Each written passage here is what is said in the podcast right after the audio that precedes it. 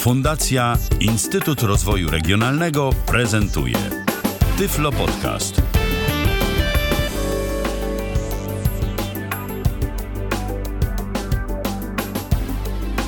Godzina 19 na zegarze, a w kalendarzu piątek, 9 dzień października 2015 roku. Witam bardzo serdecznie przy mikrofonie Michał Dziwisz.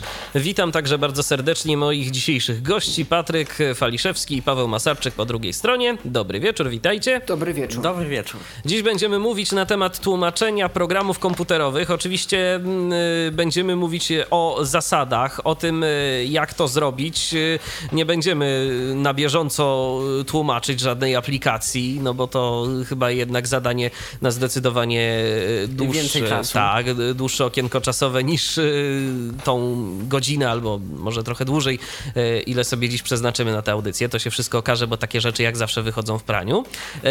Pierwsze moje takie pytanie, które kieruję do Was i które mm, myślę, że jest dość istotne także dla naszych słuchaczy, którzy być może się zastanawiają, no i pytają sami siebie, czy to, czy to ja powinienem coś takiego robić, czy to w ogóle warto. Kto może, kto powinien. Yy, zabierać się za tego typu rzeczy, jak tłumaczenia programów komputerowych? Czy to rzeczywiście konieczna jest taka naprawdę nie wiadomo jaka znajomość języka obcego, w jakim jest napisany dany program, czy wystarczy, że znamy ten język trochę, yy, no i później jakoś tam się wspomożemy jakimiś narzędziami i to będzie jakiś efekt? Jak to jest? To znaczy, mi się wydaje, że e, z mojego doświadczenia przynajmniej tak wynika, że nie musimy być na pewno ekspertami w języku takim komunikatywnym, czyli nawet jeżeli nie mówimy swobodnie w danym języku, ale rozumiemy program i mamy taką świadomość, że wiemy, jak przetłumaczylibyśmy na polski jego elementy interfejsu, to możemy na pewno spróbować. Dlatego wiele projektów, wiele tłumaczeń to są po prostu wolontariaty, ludzie mogą się sprawdzić, bo nie są wymagane żadne uprawnienia e, oficjalne. Natomiast warto na pewno się orientować w żargonie komputerowym, e, w tym języku typowo technicznym, e, w tym jak typowo tłumaczy się takie podstawowe polecenia typu anuluj, cofnij, e, kopiuj wklej, no takie bardzo popularne słowa, które występują. Chyba, że naprawdę chcemy być oryginalni i słowo cancel tłumaczyć w dosłowny jego sposób, czyli zrezygnuj, odwołaj, tak? Ewentualnie poniechaj, jak to kiedyś było poniechaj, tłumaczone kiedyś w komputerach, w komputerach Mac. Dokładnie. Więc można i tak, ale chyba nie polecamy aż takiej e, ekwilibrystyki językowej, tak, i ekstrawagancji, bo, bo to chodzi, tak, chodzi, chodzi właśnie o to też, żeby jakichś standardów się mimo wszystko trzymać, prawda? Tak, tak mi się wydaje. No to jak to jest z tym tłumaczeniem? Y, taki język, no nie wiem, angielski, bo dajmy na to, że skupiamy się na języku angielskim, programów po angielsku wychodzi dużo, y, powiedzmy, uczyliśmy się, nie wiem, tam w szkole, w podstawówce, gimnazjum, w szkole średniej tego języka angielskiego. Wystarczy? Myślę, że mimo wszystko jako podstawa wystarczy, natomiast dobrze byłoby i przede wszystkim myślę, że podstawowym elementem jest ta wartość dodana w postaci obycia z y, komputerem i tego, o czym Paweł powiedział wcześniej, zrozumienia y, programu. Bo nawet jeżeli, mówię, nie musimy czytać Szekspira na zawołanie, ani go tym bardziej recytować z pamięci, ale im lepiej znamy ten podstawowy język, tym to nam się bardziej pozwoli troszeczkę odnaleźć w e, nowinkach tego komputerowego. Natomiast jeżeli nawet mamy jakieś wyraźne braki, deficyty z e, tym językiem takim komunikacyjnym, komunikatywnym, podstawowym, a jeżeli znamy bardzo dobrze lub dość dobrze taki komputerowy i wiemy co do czego służy, to prędzej znajdziemy w słowniku wskazówki, jak przetłumaczyć coś oczywistego lub jakąś konstrukcję gramatyczną, której nie znamy, niż jakieś słówko w żargonie komputerowym. Więc ten żargon postawiłbym w tym wypadku chyba jednak troszkę ponad ten język komunikatywny, który musi być mimo wszystko jakąś tam podstawą. No i chyba też jest ważne to, żebyśmy w momencie, gdy korzystamy, gdy zabieramy się za tłumaczenie jakiejś aplikacji, żebyśmy przede wszystkim byli też jej użytkownikiem, tak, żebyśmy wiedzieli w jakich e, miejscach e, dane zwroty występują, bo to też dużo zależy od kontekstu. Jeżeli e, wzięlibyśmy się za tłumaczenie programu, którego zupełnie nie znamy i z którego zupełnie nie korzystamy, to też mogą pojawić się no, różne sytuacje, w których to nasze tłumaczenie będzie gorsze od tego, niż y, gdybyśmy byli po prostu użytkownikami danego programu, prawda?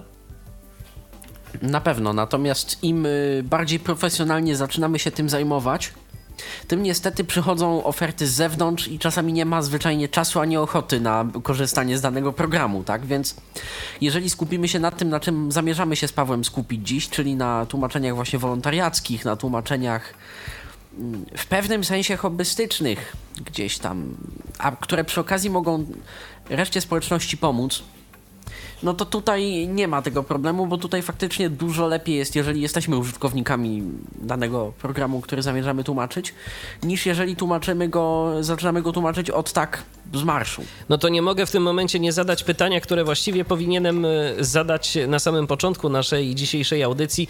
E, jakie tłumaczenia macie już na swoim koncie? Czym możecie się pochwalić? Pawle, może od ciebie zaczniemy. E, bo twoja są... lista jest dłuższa. To są jak najbardziej tłumaczenia hobbystyczne, takie, że rzeczywiście zacząłem jakiś czas temu, jeszcze ucząc się w szkole, e, tłumaczyć programy. E, zacząłem, zdaje się, od Klango Playera. To jest chyba taka społeczność też, gdzie zostałem wprowadzony w to, jak programy się tłumaczy, że warto to robić, że warto się zapoznać z technikami. E, I przede wszystkim warto współpracować, warto pracować razem nad projektem często. E, podając sobie różne sugestie. I pomocną dłoń oczywiście. Natomiast z takich projektów bardziej znanych e, przetłumaczyłem kilka klientów twitterowych, na przykład TW Blue, Twitter, niegdyś, The Cube, Chicken Nugget, początkowe tłumaczenie też było moje, Blind Square GPS na początku, Voice Dream Reader, Embrail. Kto, kto, teraz, Paweł, zajmuje się Blind Square'em? Nawet nie patrzyłem. Z tego co wiem, to Przemek Rogalski. A. E, natomiast y, różnego rodzaju aplikacje też androidowe, Zello, e, kiedyś na iOS-a również też i na Androida. No, trochę tego było. Z Gear Sound RTS to rzeczywiście było takie też początki mojej, mojej, moich prób y, tłumaczeniowych, początki tego jak tam wchodziłem w ten świat, zaczęło mi się podobać, to rzeczywiście Sound Tym bardziej, że też. Tym bardziej, że gry audio tłumaczy się niekiedy nieco inaczej, o czym pewnie dojdziemy w audycji tak, i, tak, i też tak. opowiemy. Akurat, ta była akurat dość typowa, bo tam po prostu uruchamiał się skrypt, który generował pliki OGG z samplami syntezy mowy wybranej, więc nie musiałem nagrywać sampli własnym głosem na szczęście, ale, ale no jednak była to gra, w grach tak techniki też bywają stosowane. Patryku, a tym, ty czym się możesz pochwalić? Mogę pochwalić się poprawkami w tłumaczeniu Screamer Radio. Zanim zmienił się tłumacz, dość sporą częścią rzeczy w NVDA korekcyjnych, które nie były do tej pory tłumaczone, a tyczyły się głównie Braille'a.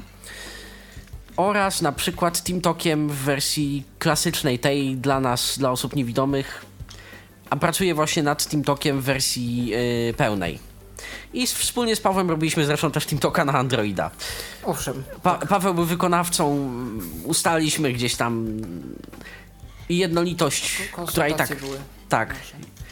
Ujednolicenie nazw, które i tak jak na razie będzie wymagało poprawy, ale to z czasem zobaczycie efekty. Po owocach ich poznacie, jak to mówią. tak. Zgadza się. No to rzeczywiście każdy z was ma jakąś tam listę. Ja powiem szczerze, ja w życiu przetłumaczyłem tylko jeden program i to już ale było... jaką korzyść z tego miałeś? A, no. I to już było dawno, dawno, dawno temu, y, z 10 lat temu albo, albo i więcej, chociaż nie, 10, y, tak, bo to w 2005 roku się za to zabrałem.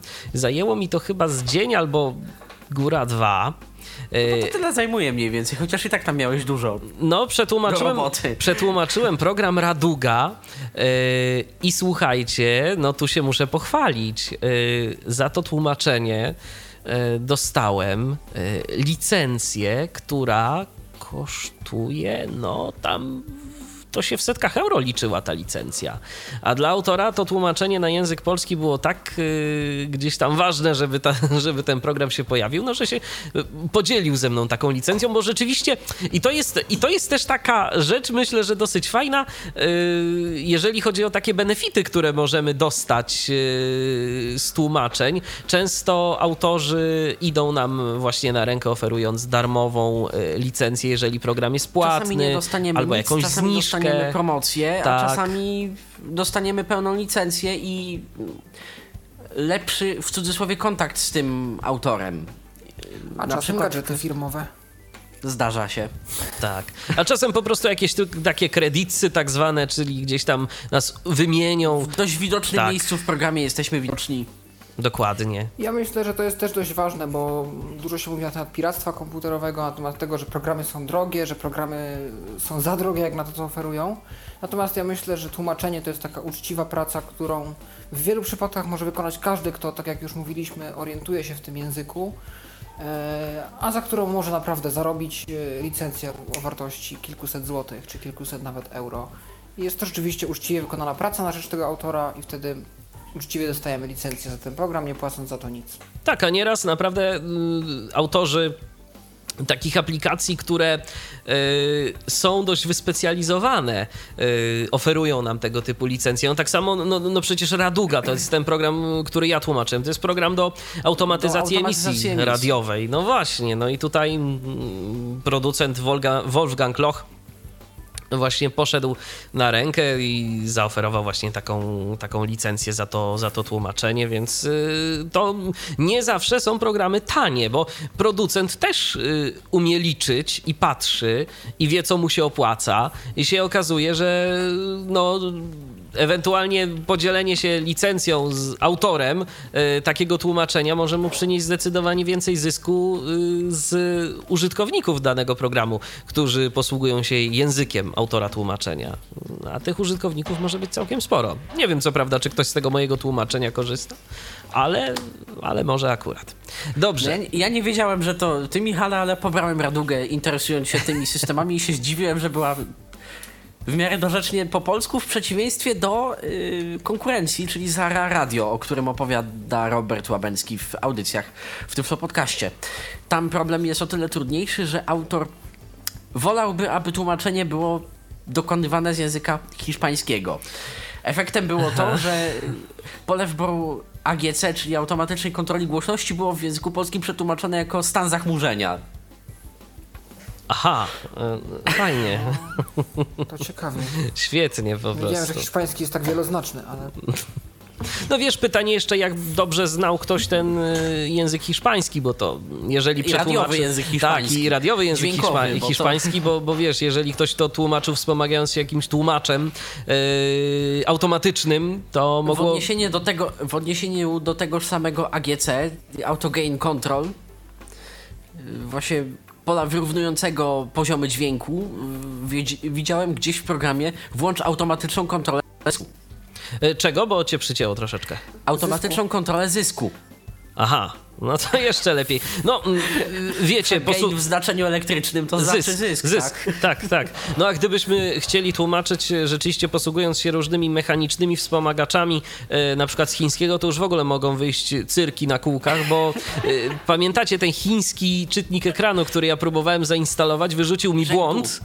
E, tak. I jak ten komunikat brzmiał później? E, Coś o psie Coś o o hardware'ze, o sprzęcie. tak, że, sprze- że, że sprzęt nie znalazł psa? Czy jakoś tak. Coś, no ale w każdym razie zupełnie pozbawiony sensu komunikat, więc jednak dobrze jest znać język, w którym się pracuje i gdzieś tam ten tłumacz y, Google'a przysłowiowy no, używać jako ostateczność albo zajrzeć po prostu do jakiegoś sensownego słownika.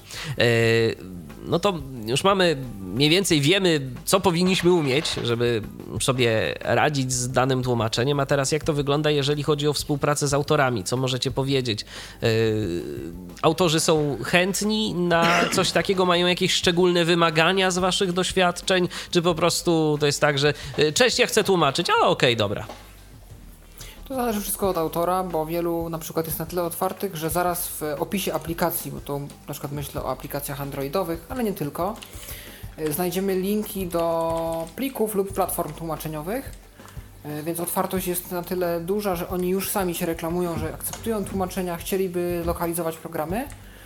E, W niektórych przypadkach trzeba autora zachęcić, zapytać, czy jest zainteresowany i z reguły autorzy są zainteresowani. Są zainteresowani. Jeżeli nie jest jeszcze wspierane tłumaczenie, to zostanie to wsparcie wkrótce dodane, e, gdy program będzie już na tyle rozwinięty, że e, będzie warto go lokalizować. I ta otwartość jednak gdzieś jest, żeby te programy były dostępne w językach narodowych, a nie tylko w angielskim. A spotkaliście się z jakimiś takimi wymaganiami od autorów, że no dobrze, bardzo chętnie, ale to y, prosimy o jakieś zaświadczenie, że y, posługujesz się biegle językiem danym i takim i może byśmy tu podpisali jakąś umowę, coś takiego? Były takie sytuacje, czy, czy nie? Takie rzeczy głównie tyczą się korporacji, dużych gdzieś tam firm. Tam ten problem ma miejsce. Na... E, Nie, w jednym open source'owym projekcie mi się to zdarzyło. To chyba był Blend Communicator. To jest taki androidowy program, który jest jakby samoudźwiękowionym launcherem. Czyli jak nie chcemy używać talkbacka, jeżeli mamy powiedzmy osobę starszą czy kogoś, kto e, nie jest w stanie opanować wszystkich y, zaawansowanych ustawień swojego telefonu, może skorzystać z takiego okrojonego interfejsu. Coś jak kiedyś prezentowany CU Phone, y, tylko w wersji open source. E, I tam jest wyraźnie zaznaczone w pliku README, staje się od tłumaczeń, iż autorzy życzą sobie osoby z certyfikowaną znajomością języka. Mhm. E, W ten sposób. No tak, no bo być może wyszli z założenia, że ten, pro, ten, y, ten program chyba też nie był jakiś takim bardzo tanim programem, prawda? Dobrze kojarzę? Y, Blind Communicator jest darmowy. A to jest darmowy, a darmowy. A to, a faktycznie, dobrze, to może po prostu chodziło o to, no, że zależało im na jakiejś tam jakości albo, albo czymś takim. No to, to, może, to może o to tu chodziło.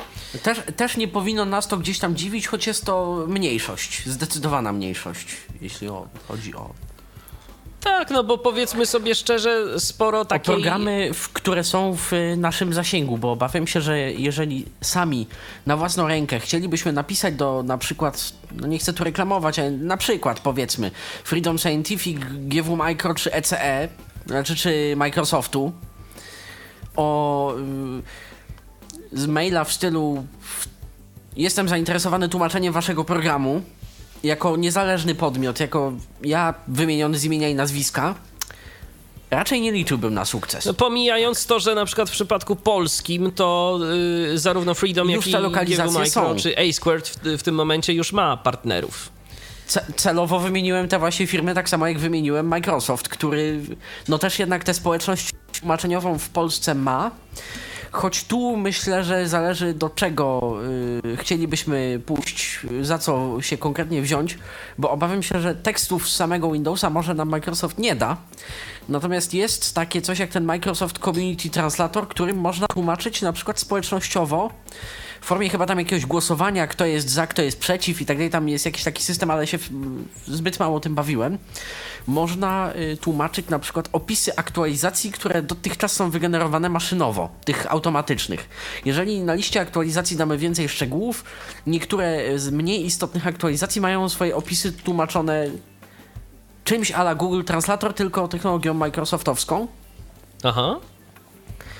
I kiedyś było, była tylko adnotacja, że ten artykuł został przetłumaczony maszynowo.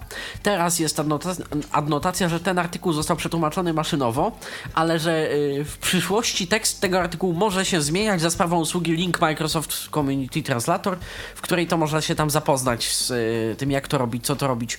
Natomiast nie patrzyłem, jakie tam są, przed, y, jakie tam są wstępne wymagania, aby Rozumiem. rozpocząć.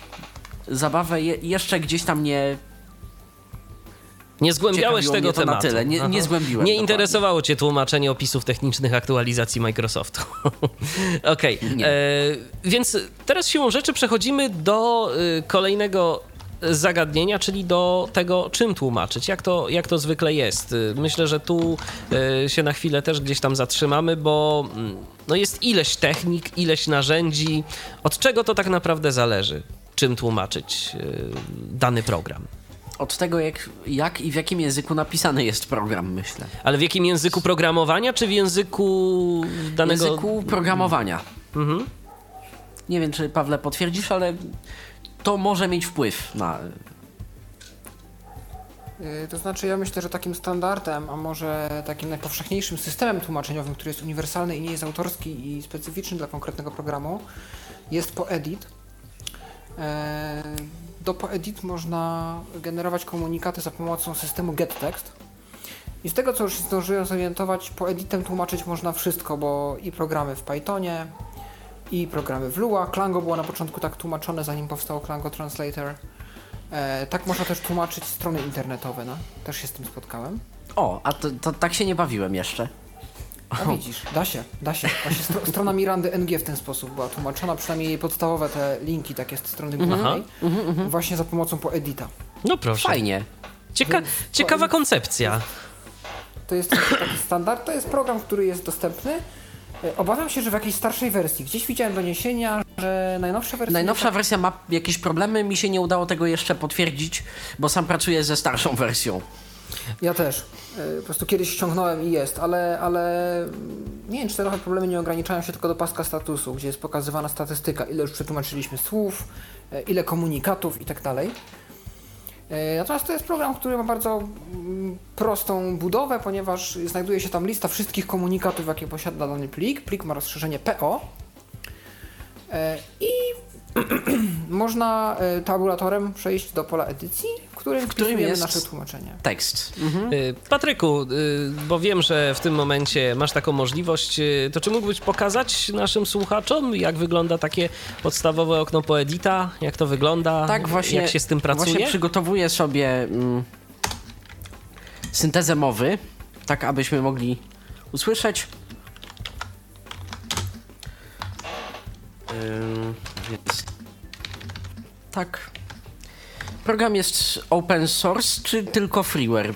Pawle, pamiętasz? Nie pamiętam teraz.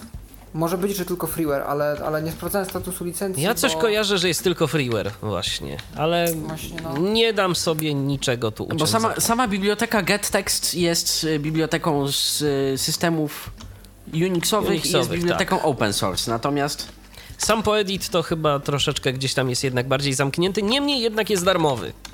Od razu powiedzmy. Tak. I ma też funkcję, to nie, nie będziemy tego też pokazywać, bo nie mamy aż tyle pewnie plików i możliwości, żeby sprawdzić przydatność tych funkcji, natomiast istnieje możliwość na przykład komentowania tłumaczeń, jeżeli współpracujemy w ekipie a, i chcemy, żeby jedna osoba jakoś rzuciła okiem na konkretne tłumaczenia, zostawiamy komentarz, yy, albo chcemy poprawki wprowadzić w czyimś i komuś odesłać, zostawiamy komentarze w konkretnych komunikatach. Tak samo możemy oznaczyć komunikat jako niepewny. A czy Poedit ma jakieś wsparcie właśnie dla jakichś takich, nie wiem, repozytoriów, synchronizacji, e, typu, nie wiem, typu Git albo, albo jakieś tego typu inne systemy, gdzie... gdzie... On raczej bazuje na plikach. Aha, na plikach, Pliki, aha. Później pliki e, z bazami tłumaczeń POT, e, Rozumiem. z których po prostu ładuje się nowe komunikaty, czyli plik PO jest uaktualniany plikiem POT do najnowszej wersji i wtedy coś jest usuwane, coś jest dodawane, jeżeli zachodzi taka potrzeba i w ten sposób pozyskujemy nowe komunikaty do przetłumaczenia. Jasne. dobrze, więc ja już jestem gotów. Stoję na pliku nvda.po No to ciach. od jednego z dodatków do NVDA. Poedit, E, dane box of 01 ago 1 of 31, in, now, jest, tom, w, selcongs, I co- a minute ago, Nie jest to może najfortunniejszy plik, bo nie ma zbyt jasnych komunikatów. Jest to plik yy, dodatku historia dymków powiadomień Aha. do NVDA. I tutaj ma różne yy, komunikaty. balloons history, O, Balloons History. Jestem na komunikacie, w tym momencie daję tabulator, edit, edit, czyli pole edycji. Wpisuję na przykład historia powiadomień. historia powiadomień, list wiew, balloons history, historia powiadomień, A i tu w 31 tym of 31. momencie na liście uaktualniło się tłumaczenie, a w pasku stanu widzę Przetłumaczono 3%, 31 frazy wątpliwe 0, złe tokeny 0, nieprzetłumaczone 30. Aha. i widzę cały status Tak. pamięci. Fajna sprawa. Fajna sprawa. Czy tu coś możemy jeszcze z tą frazą na przykład zrobić? Yy, Jakieś menu kontekstowe albo coś tego Menu typu? kontekstowe dla frazy Kontekst menu. Duże K. Kopiuj oryginał do pola tłumaczenia Alt C. K. Odwołania. Duże O. C. Users usuario app data roaming wda addons ballon history global plugins ballon history init p. 45.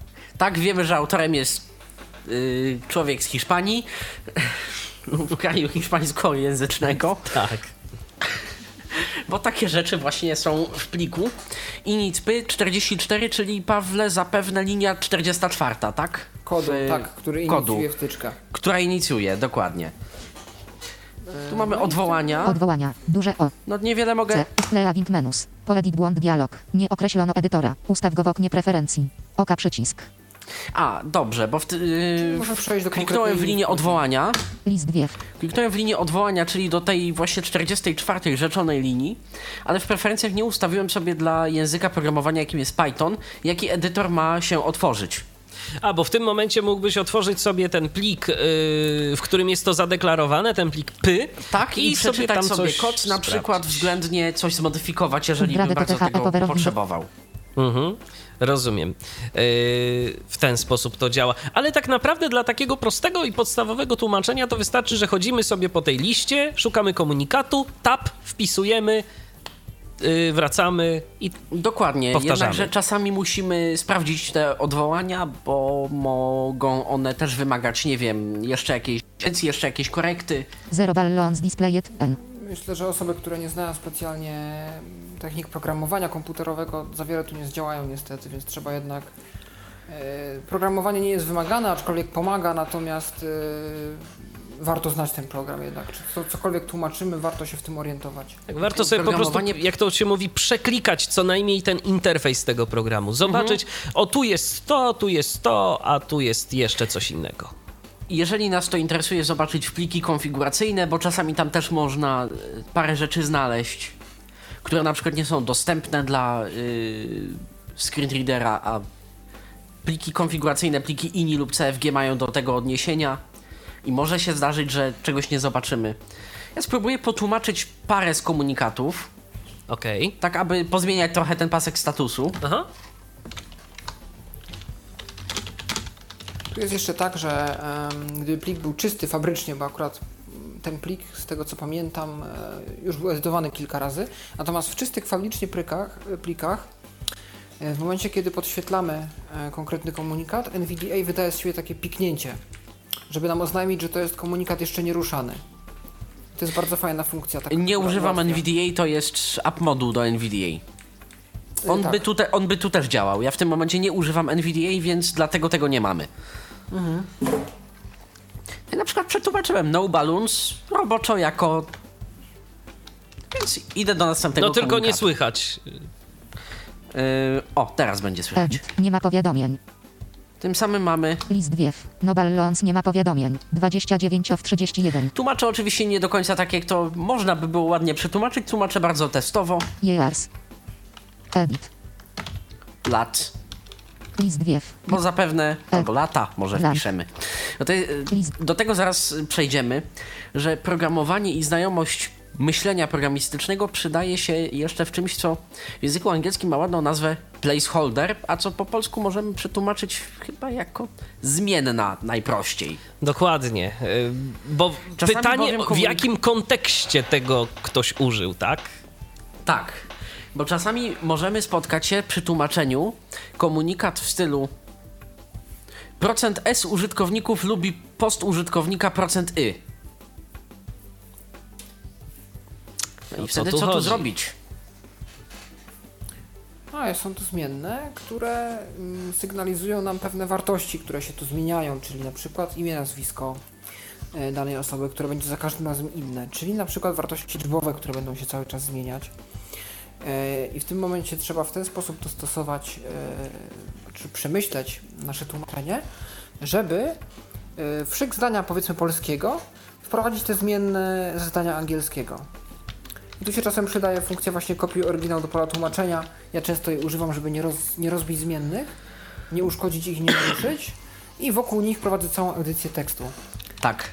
E, Te, też tak lubię, bo jest wygodniej.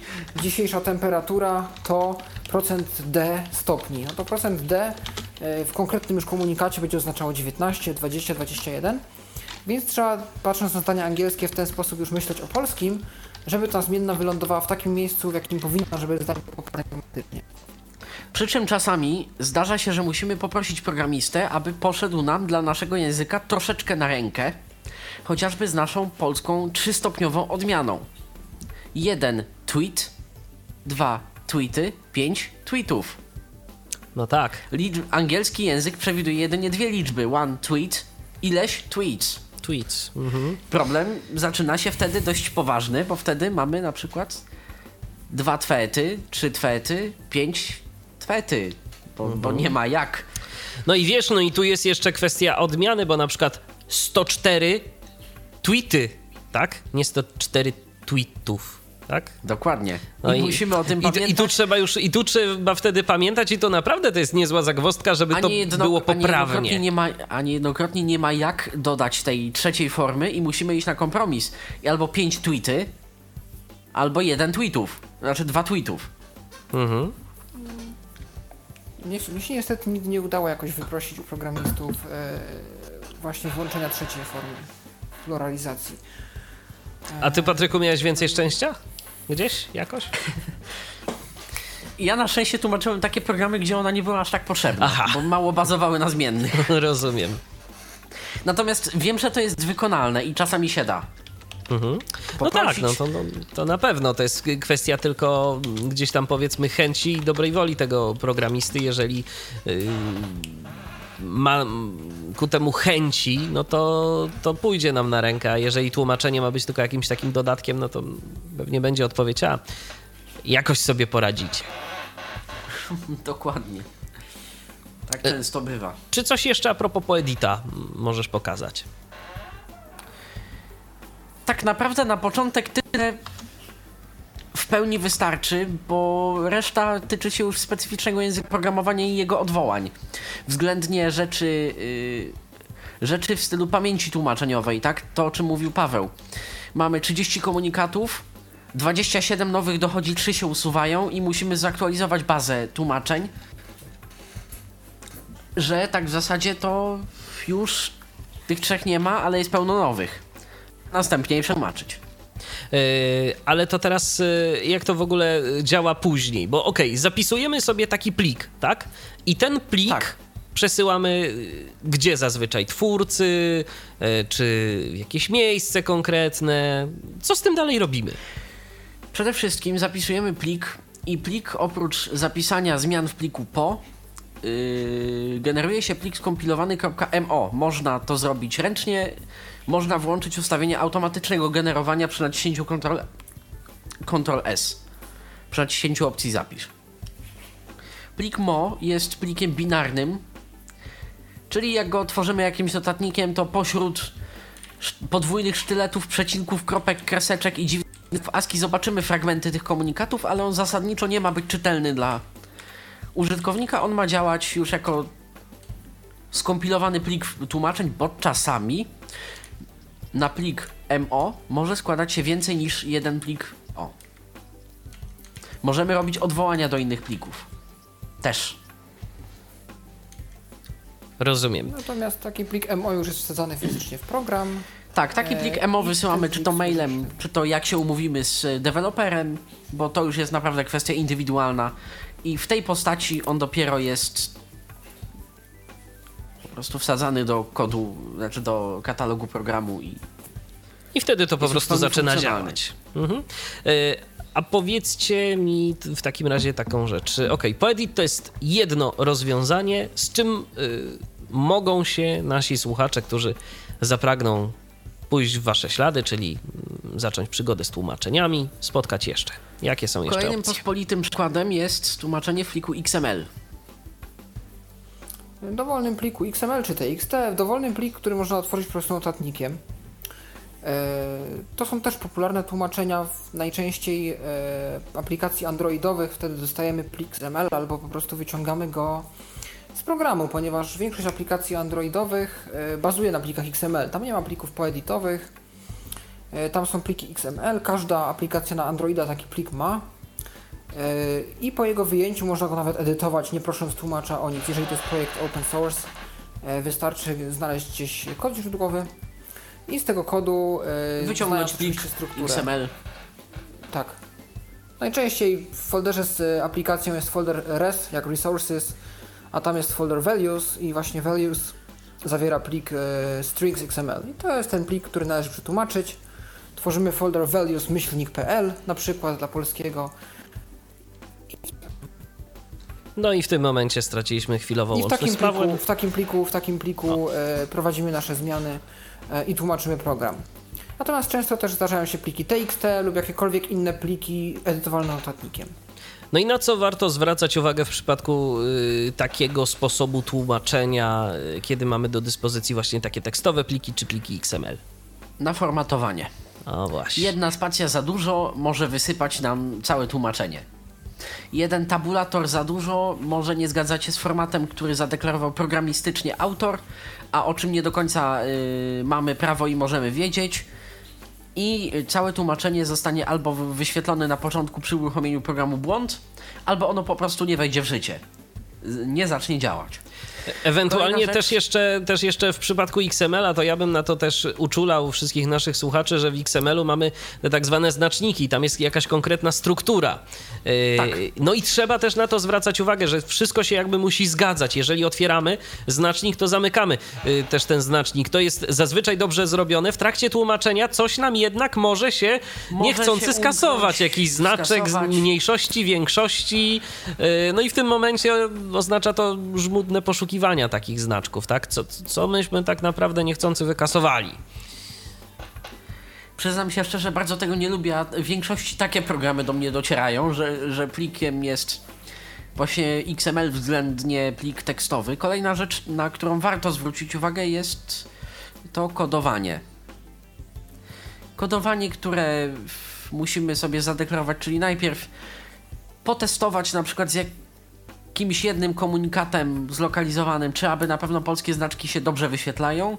Niektóre programy, jeżeli cały plik będzie miał problem z kodowaniem, go po prostu też odrzucą i nie wyświetlą, ale w niektórych zaczną pojawiać się krzaczki, więc na to też warto zwracać uwagę.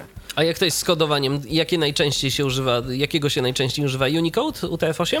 Na szczęście już powoli przechodzimy na Unicode, na UTF-8 i już te problemy powoli, powoli, mozolnie zaczynają znikać, ale zdarzy się jeszcze program z y, rosyjskimi komunikatami do tłumaczenia, które są pisane w rosyjskim ASCII, więc najpierw trzeba sobie jakimś programem do lokalizacji systemu uruchomić na chwilę notatnik z kodowaniem rosyjskim, przeczytać co jest, co autor ma na myśli, przetłumaczyć na swoje i zapisać najlepiej też w y, kodowaniu albo rosyjskim, albo kodowaniu, no dla polskiego to jest Windows 1250 akurat. No tak. Więc czasem tak się też zdarza, że programy, które, których kod na przykład, nie tyle e, plik językowy, ale kod jest pisany w e, języku w kraju, który używa specyficznego jakiegoś kodowania, może być tak, że język, e, że kodowanie plików też jest nastawione pod ten kraj lub pod grupę kodowań, na przykład właśnie ASCII specyficzną dla e, kraju.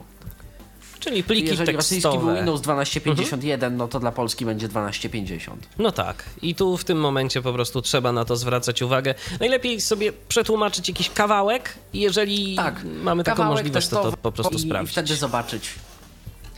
Kolejnym nieciekawym bardzo typem tłumaczenia jest tłumaczenie, gdzie jedna linia jest jednym komunikatem.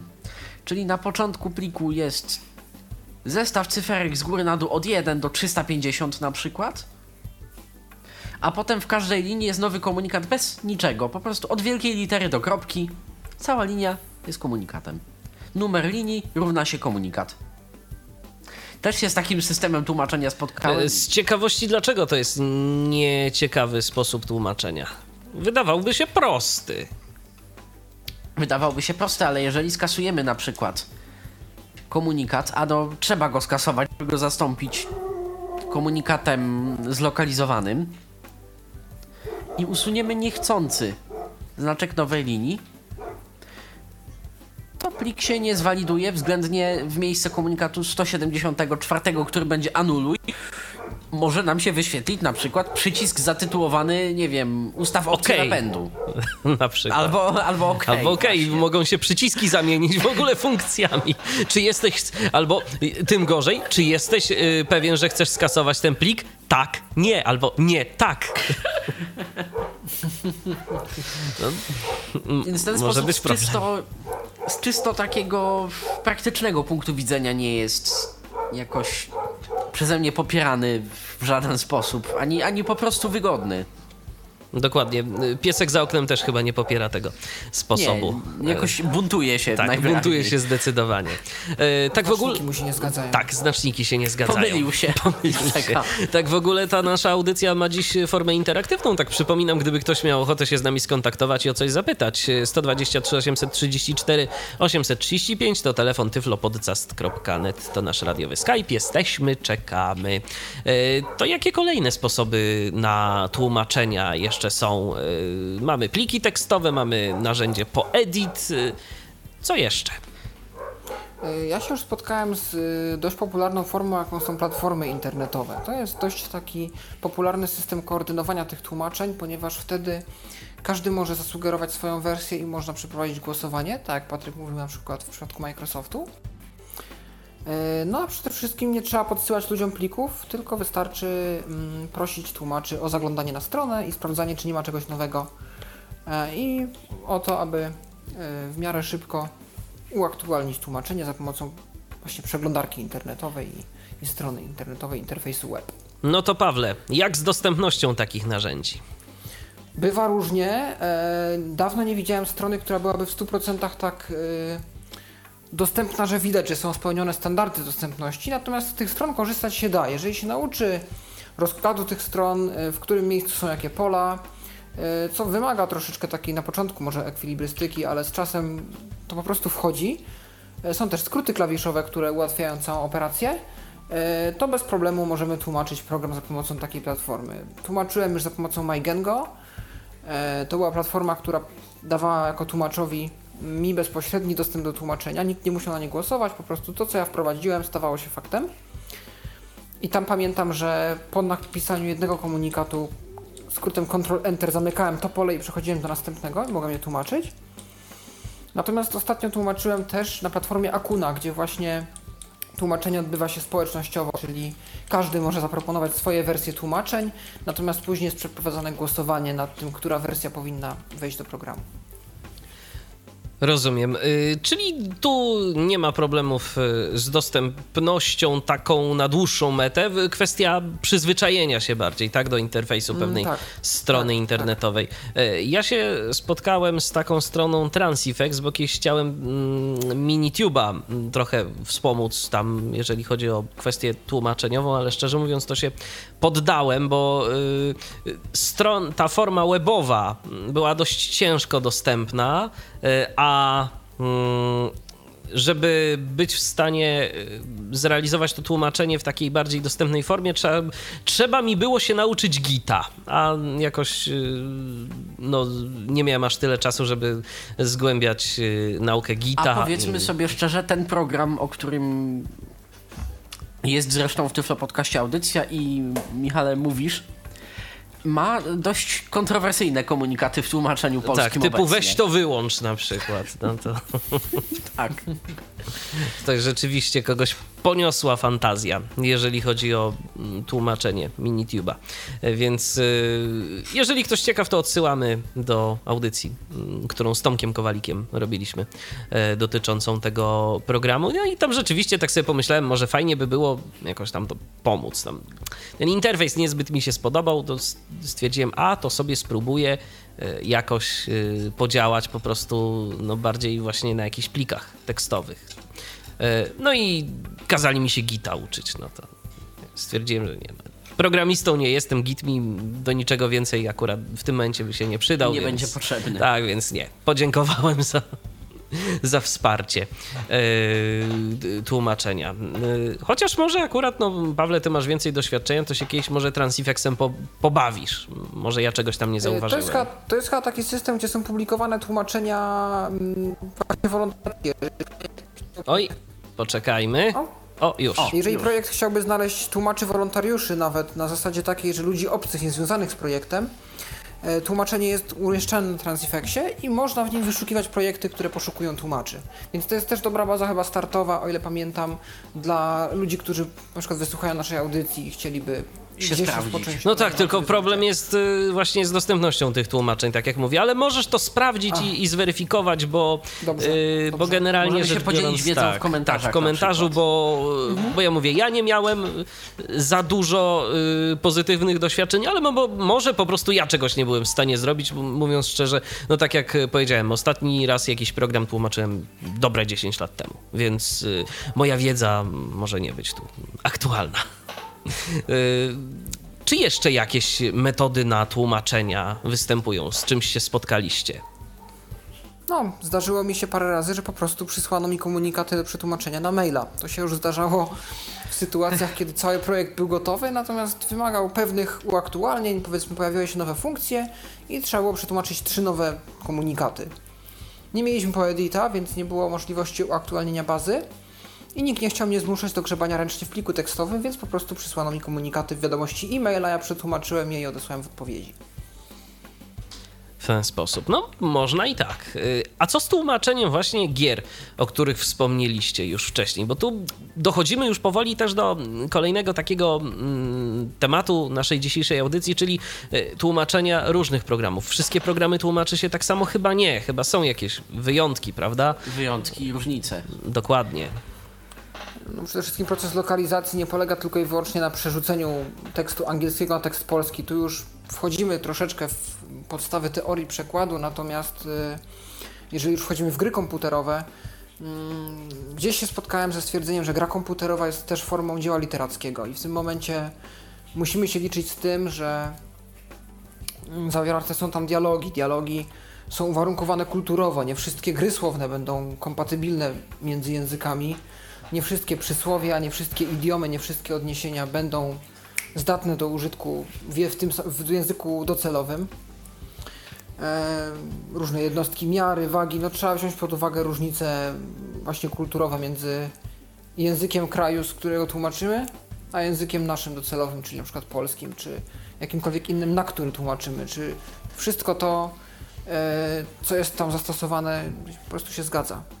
Czy możemy tego użyć? Poza tym sama technika, na przykład w tłumaczeniu gier audio, odpowiednikiem tekstu będą nagrane sample, nagrane dźwięki, więc teraz y, naszym zadaniem jest albo samemu nagrać swój własny głos i opublikować tłumaczenie w danym języku, albo znaleźć kogoś, kto zrobi to prawidłowo i profesjonalnie, tak? Więc to jest kolejna No, jakby... jest też potrzebna cała ekipa aktorów, tych voice actors, aktorów, którzy udzielają głosu. Po to chociażby, po to chociażby, żeby no też za, ktoś zagrał tych bohaterów, więc to jest często też gra aktorska.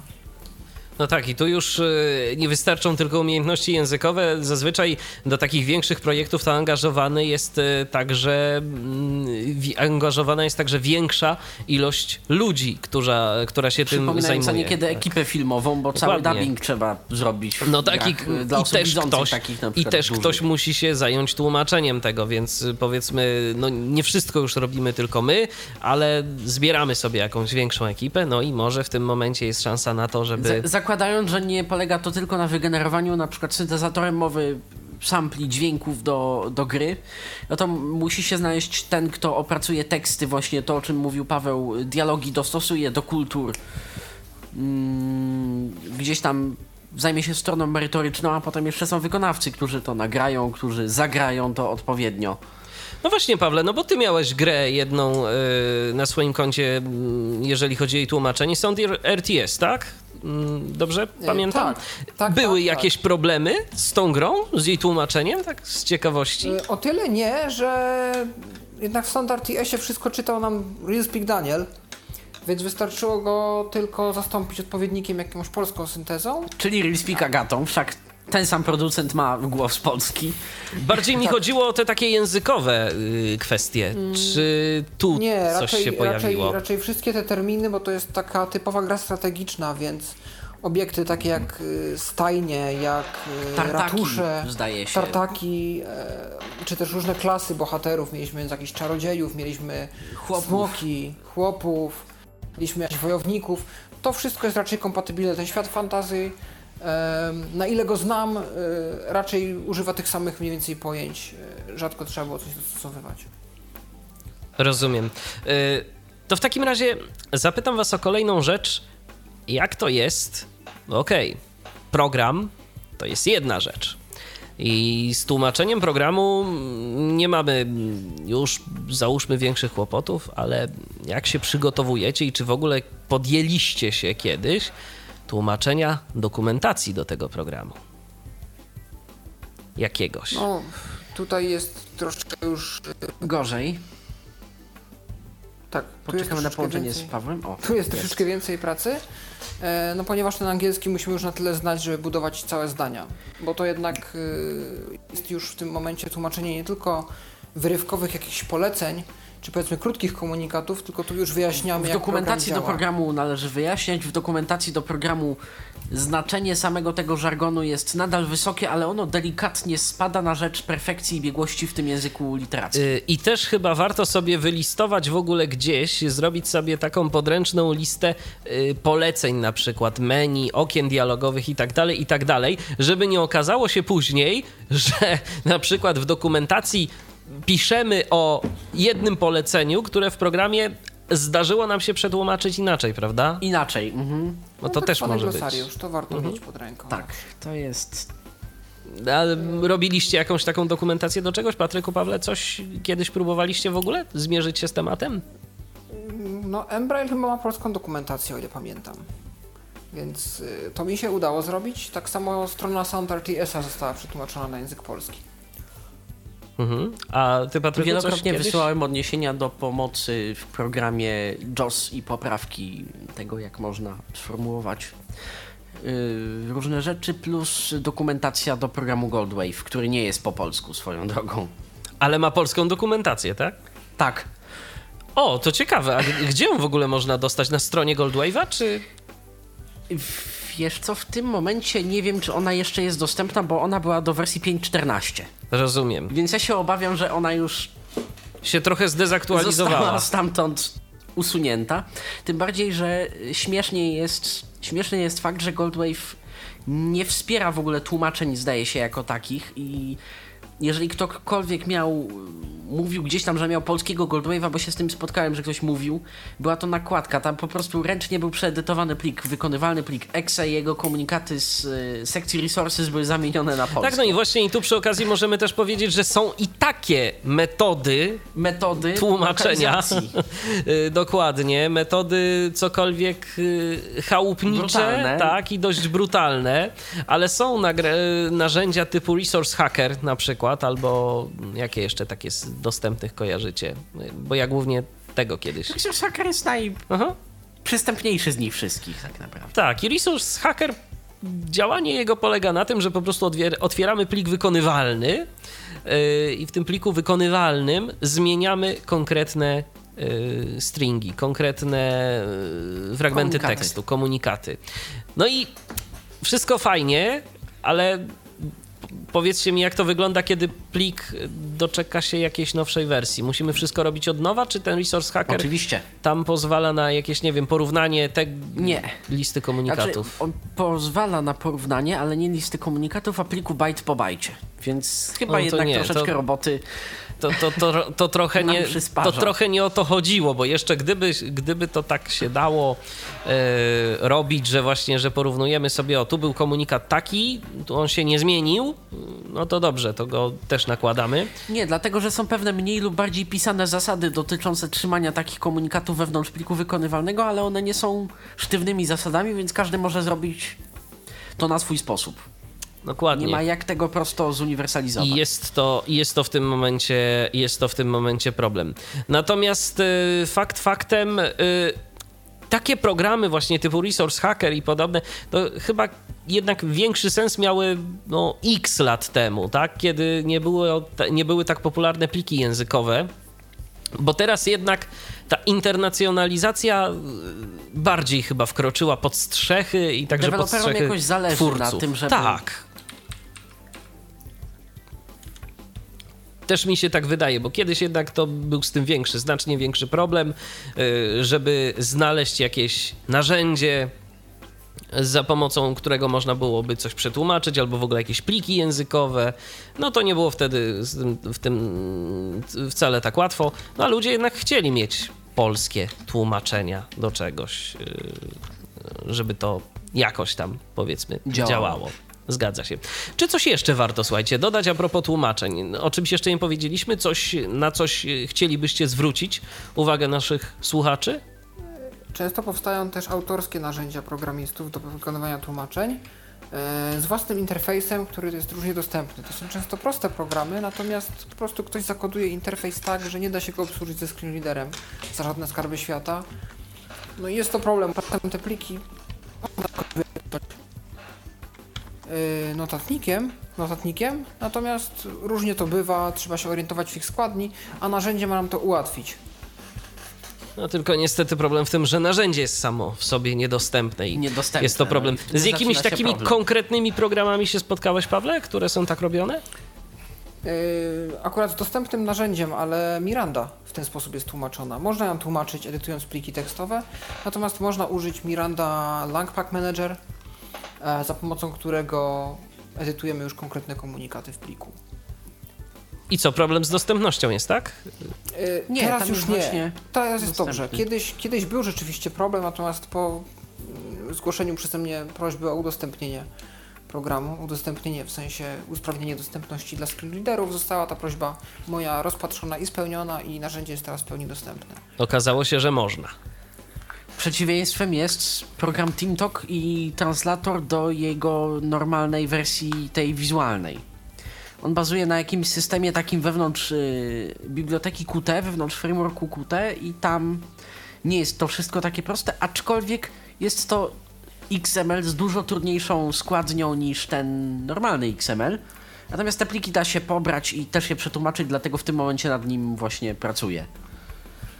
Więc w można po prostu. Tak tłumaczył XML-a klasycznego do klasycznego klienta, a jest to XML do tego klienta y, dla osób widzących. No tak, tylko po prostu więcej gdzieś tam wymaga to twojej pracy, no i też y, pewnie porównywanie komunikatu y, z klasycznej tak, wersji. Tak, aby jednolity tak. sposób tłumaczenia uzyskać i osiągnąć dużo zajmuje w ogóle takie tłumaczenie. No, zapewne wszystko jest kwestią wielkości danego programu, ale taki TeamTalk na przykład, czyli już, no powiedzmy, że dość złożona aplikacja, tak? Nie jest to jeden ekran yy, i kilka przycisków, a jednak tam trochę tego tekstu jest. Y, jak to wygląda?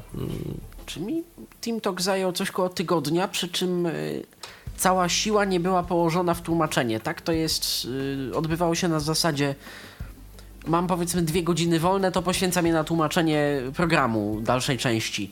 Mam tu za chwilę jakąś godzinkę wolną, to sobie ją spożytkuję na TeamTalk.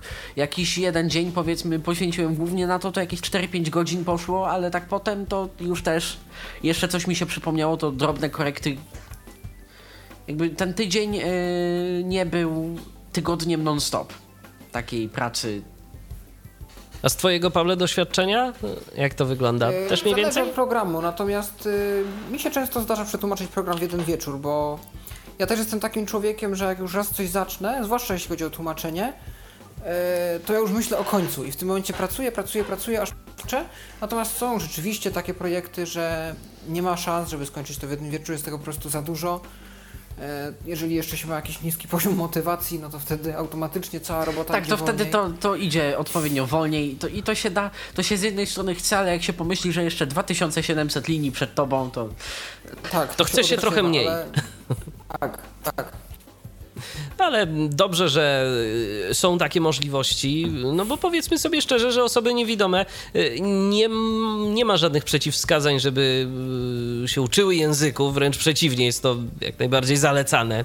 Y, jak widać, narzędzia są dostępne różnego rodzaju. Ja jedynie w kwestii dokumentacji, na przykład do jakichś programów i tłumaczenia, y, widzę jeden problem, mianowicie pliki pomocy to często są także mm, okraszone różnego rodzaju zrzutami I tu osoba niewidoma może mieć problem i no, z przygotowaniem takiej jakiejś tam powiedzmy dokumentacji w naszym rodzimym Problem języku może Problem też pojawia się sama sobie wtedy, nie poradzić. gdy na przykład w pliku tekstowym XML deklarowane są współrzędne kontrolek, tak aby się tekst nie zawijał, a aby ten tekst na pewno się zmieścił na A czyli ekranie. na przykład komunikat musi mieć jakąś konkretną długość, tak? Nie może być krótszy za bardzo, ani też dłuższy.